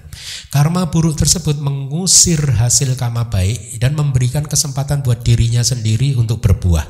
Ini adalah penjelasan mampu mengusir dan terlihat tidak mampu. Ya, jadi contohnya adalah seseorang yang menghindari pembunuhan dan lain-lain, tapi dia lahir di e, neraka. Jadi berbeda dengan yang tadi ya. Yang ketiga, ketika banyak kama baik telah terakumulasi, maka kama yang kuat akan mengusir hasil kama yang lemah dan memberikan kesempatan buat dirinya sendiri untuk berbuah. Ini adalah contoh untuk mampu dan terlihat mampu. Ya, contohnya adalah seseorang yang menghindari pembunuhan dan dia lahir di surga. Kemudian yang terakhir, akan tetapi setelah mengakumulasi kama buruk, seseorang melakukan kama baik yang dilakukannya menjelang kematian dan kama tersebut mengusir buah kama buruk yang banyak tadi serta memberikan kesempatan buah buat dirinya sendiri untuk berbuah. Ini adalah tidak mampu dan terlihat mampu. Contoh seseorang melakukan pembunuhan tapi eh, lahir di surga. Jadi Jangan khawatir kalau Anda seumur hidup melakukan karma buruk, jaga aja detik terakhirnya baik. Ya. Huh? Ingatkan teman-teman yang ada di samping Buddha Dhamma Sangga Buddha ya. Nah, eh, selanjutnya di antara mereka kama yang pertama yaitu kama yang tidak mampu dan terlihat tidak mampu tidak mampu oleh karena aku salah dan terlihat tidak mampu karena dengan kelahirannya di neraka seperti seolah menjadi sebab kelahirannya di sana. Itu pemahaman penjelasannya ya. Tidak mampu dan terlihat tidak mampu. Tidak mampu karena aku salah kama, tidak terlihat tidak mampu karena dia lahir di neraka beneran gitu kan. Kama yang kedua yaitu kama yang tidak mampu tapi terlihat mampu terlihat tidak mampu oleh karena aku salah kama dan terlihat mampu karena dia lahir di surga. Kayak yang dilihat si Brahmana itu, dia lahir di surga karena karma buruk kok, gitu kan? ya. Jadi untuk para pertapa dan brahmana di luar sasana seperti seolah melihat itu sebagai sebab kelahirannya di surga, ya. Dua kama yang lainnya dipahami dengan cara yang sama dan dengan demikian maka berakhirlah kelas kita pagi hari ini. Kamu budaya Bante. Bante kalau dari yang saya dengar paling skeptis adalah melakukan saat-saat terakhir Apa?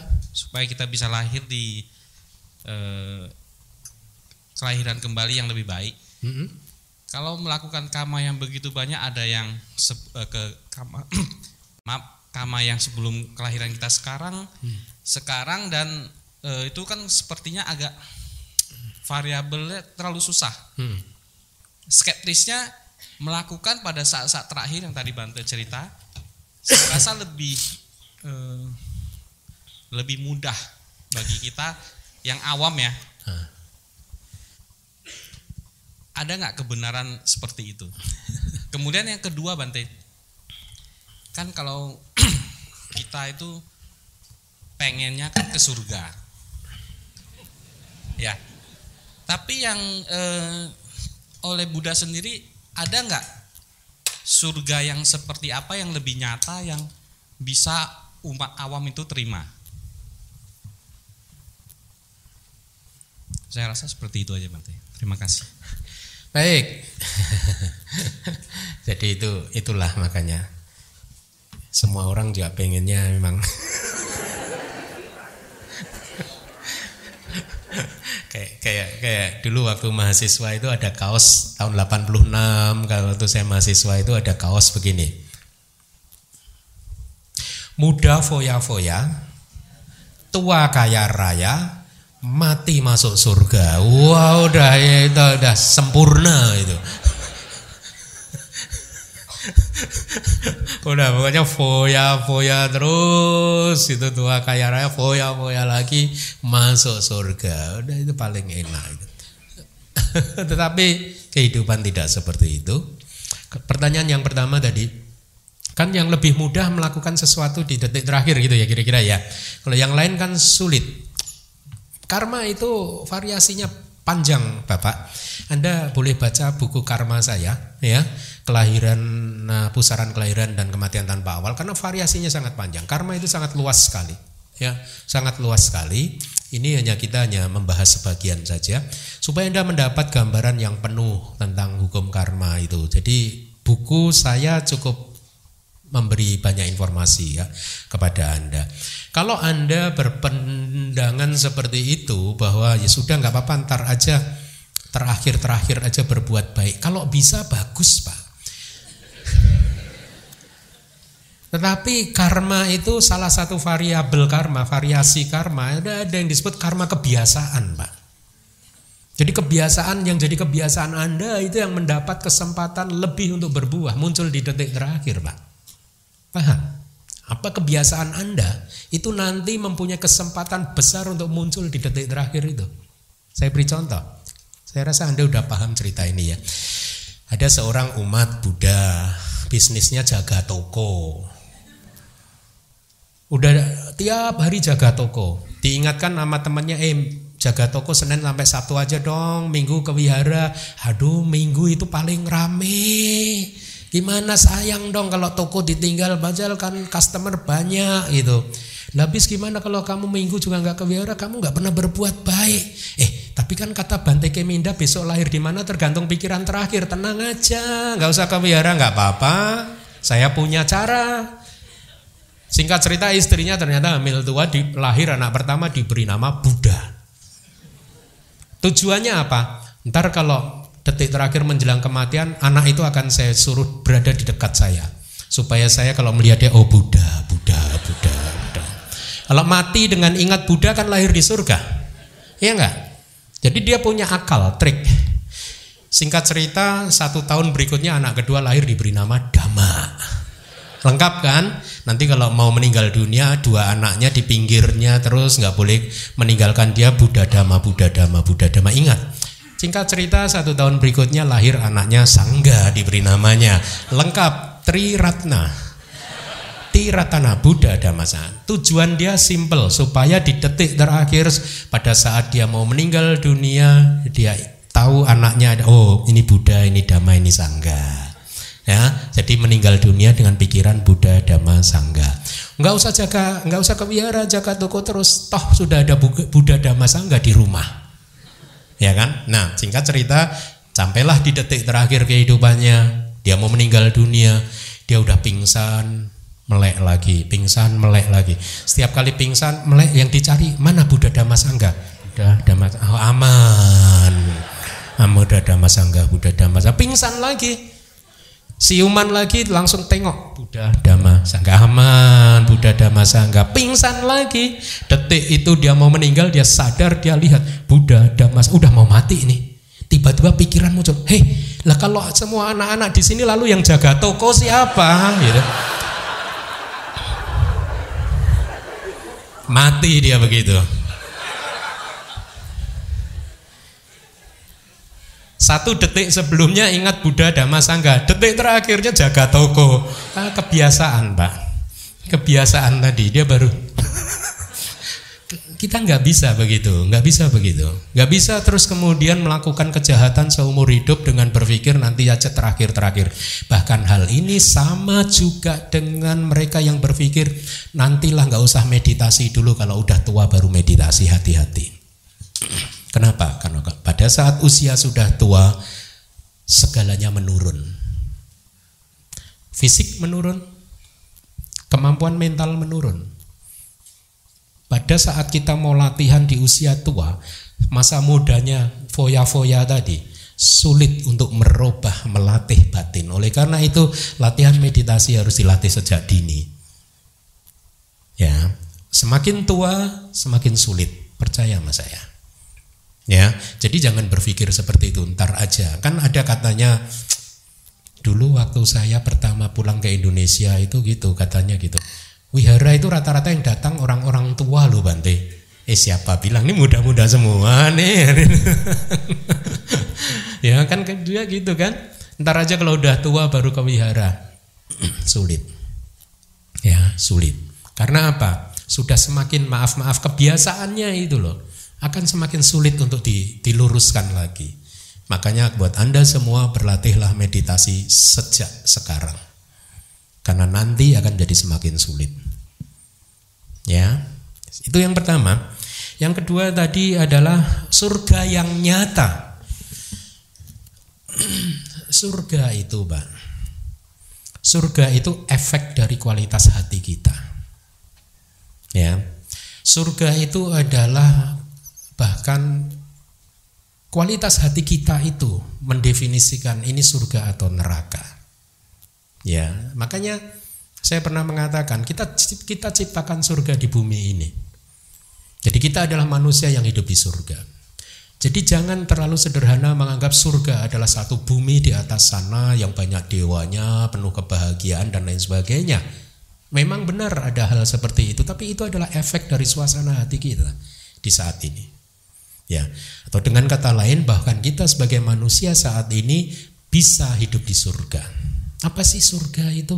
Surga adalah uh, satu alam di mana di sana kita mendapatkan kesempatan untuk uh, mendapatkan kebahagiaan dengan lebih banyak lagi. Karena itu adalah keber, keberhasilan tempat tujuan. Ya. Jadi kalau kita di dalam bumi manusia ini bisa menjaga hati dengan memunculkan banyak kebahagiaan, maka kita muncul di surga. Kita adalah manusia yang hidup di surga. Tetapi sebenarnya berhati-hatilah bahwa kebahagiaan ya, perasaan sukacita itu belum tentu baik. Ya, kalau kita bicara kebahagiaan kan berkaitan dengan perasaan sukacita yang dipahami oleh banyak orang. Perasaan sukacita itu belum tentu baik. Perasaan sukacita itu bisa jadi karma buruk. Oh kok aneh sih Bante. Contohnya Bante, Bapak dulu waktu itu sampingnya ibu ya. Istrinya, sampingnya. Dulu waktu ketemu sama ibu ini pertama kali muncul perasaan sukacita enggak? Muncul Pak ya. Perasaan senang muncul ya. Ya.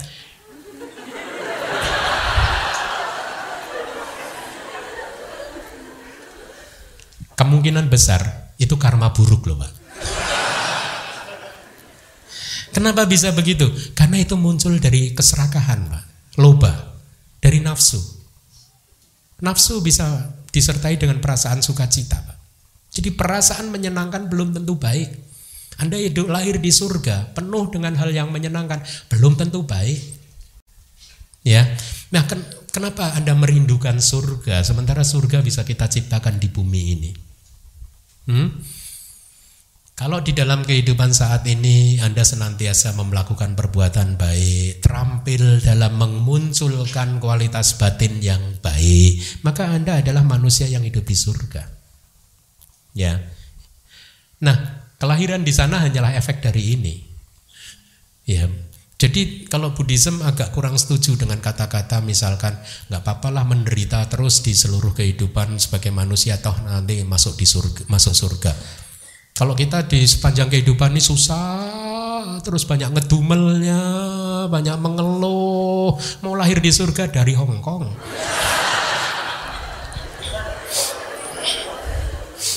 Bang kebiasaan ngedumel kok. Kebiasaan marah-marah kok mengharapkan lahir di surga. Ini orang yang begitu, kalau Anda mempunyai pemahaman begitu, nggak apa-apa lah seumur hidup menderita, susah, mengeluh, ngedumel, ini komplain, ini komplain itu, toh nanti kan saya percaya Buddha Dhamma Sangha nanti lahir di surga. Kalau benar Anda lahir di surga, Anda akan merusak surga. Kenapa?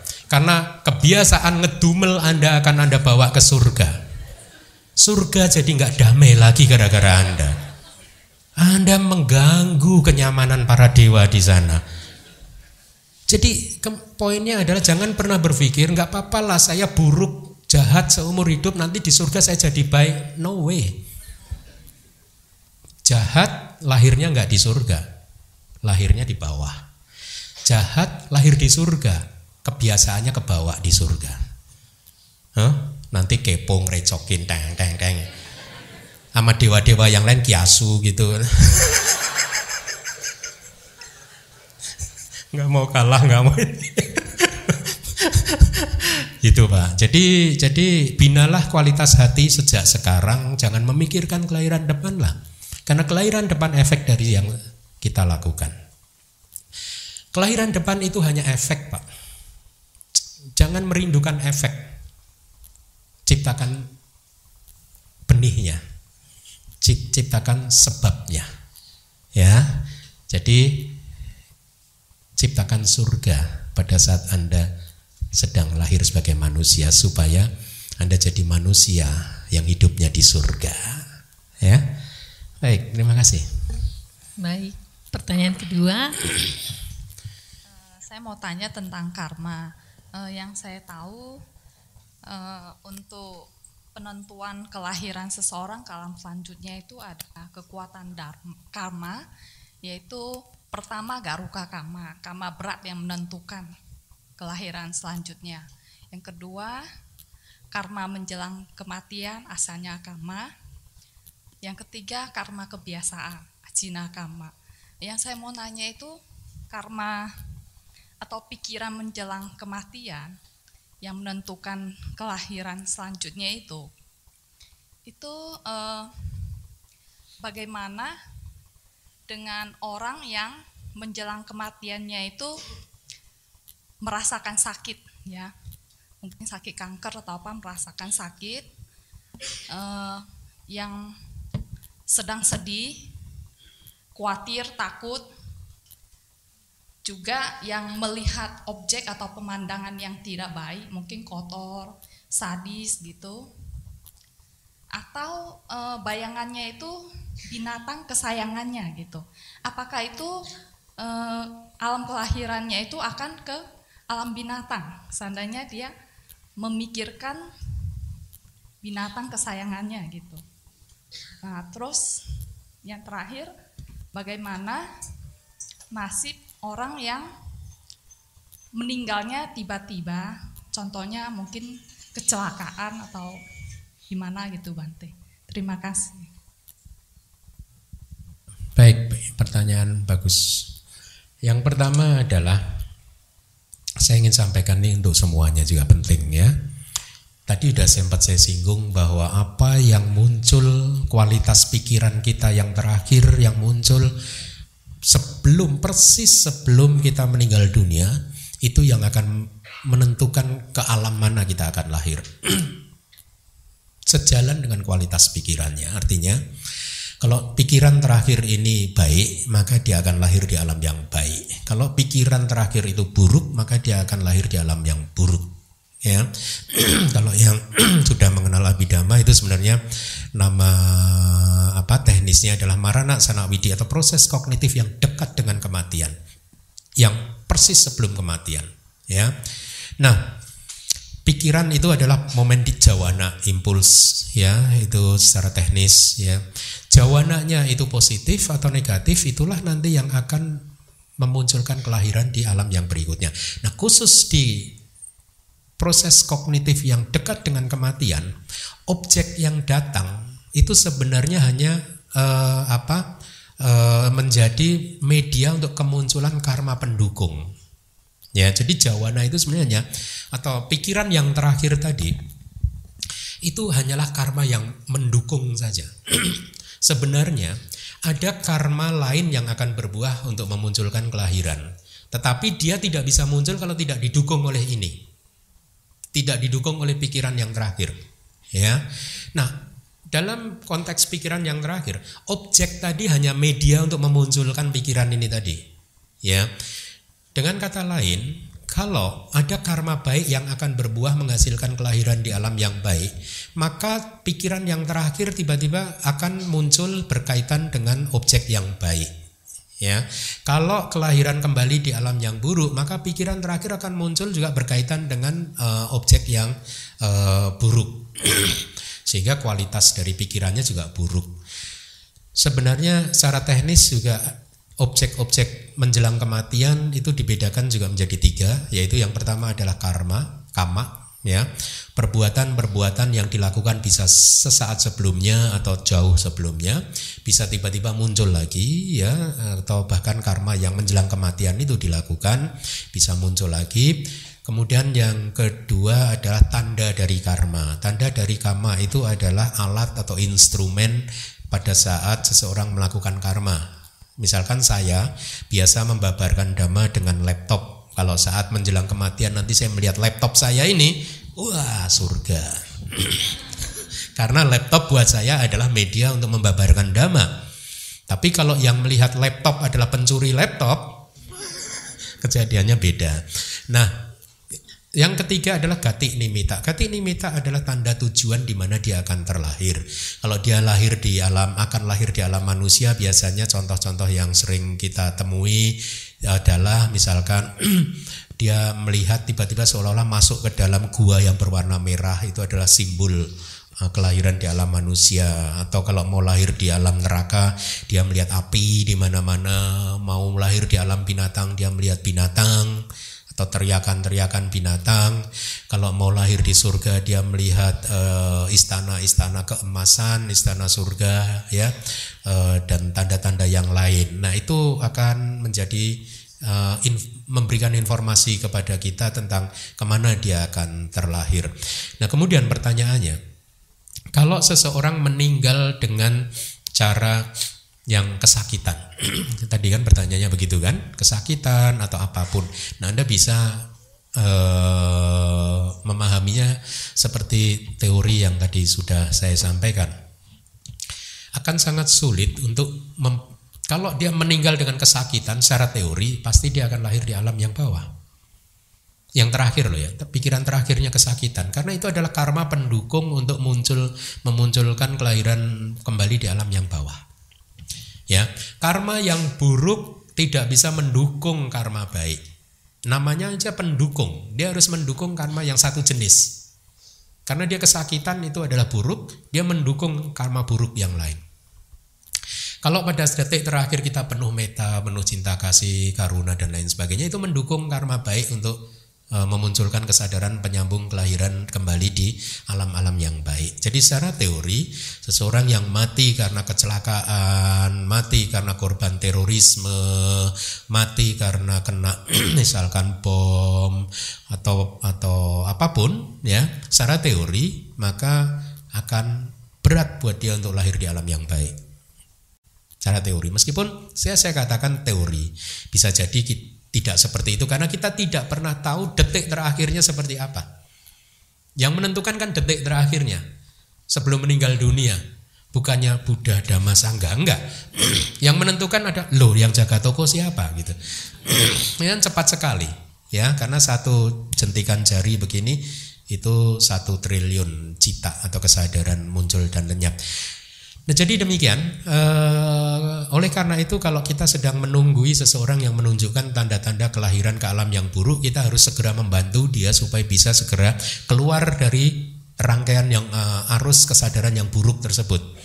Kita bisa menggunakan cara, misalkan mengingatkan dia masa-masa dia berbuat baik dulu, ya dengan berbisik kepada dia atau apa pun yang kita bisa lakukan atau bisa memperdengarkan dia misalkan parita kalau dia terbiasa membaca parita bukan paritanya yang sakti tapi membacakan parita itu mengingatkan dia tentang oh saya dulu juga suka baca parita atau bisa juga kalau pelajar-pelajar abidama ini saling mengingatkan sama sambudama tulang sasa dama ganutamang ya, terus itu ya.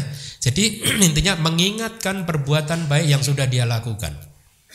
Jadi ini kayak men-trigger supaya arus kesadarannya menjadi positif lagi. Itu yang bisa kita lakukan untuk membantu. Kemudian yang kedua tadi adalah apa? Hmm? Oh, meninggal tiba-tiba ya. Tiba-tiba ya. Tergantung juga ya. Ada contoh uh, di kitab suci umat perumah tangga habis berdana kepada Sariputa kemudian setelah itu dalam perjalanan pulang diseruduk kerbau meninggal dunia.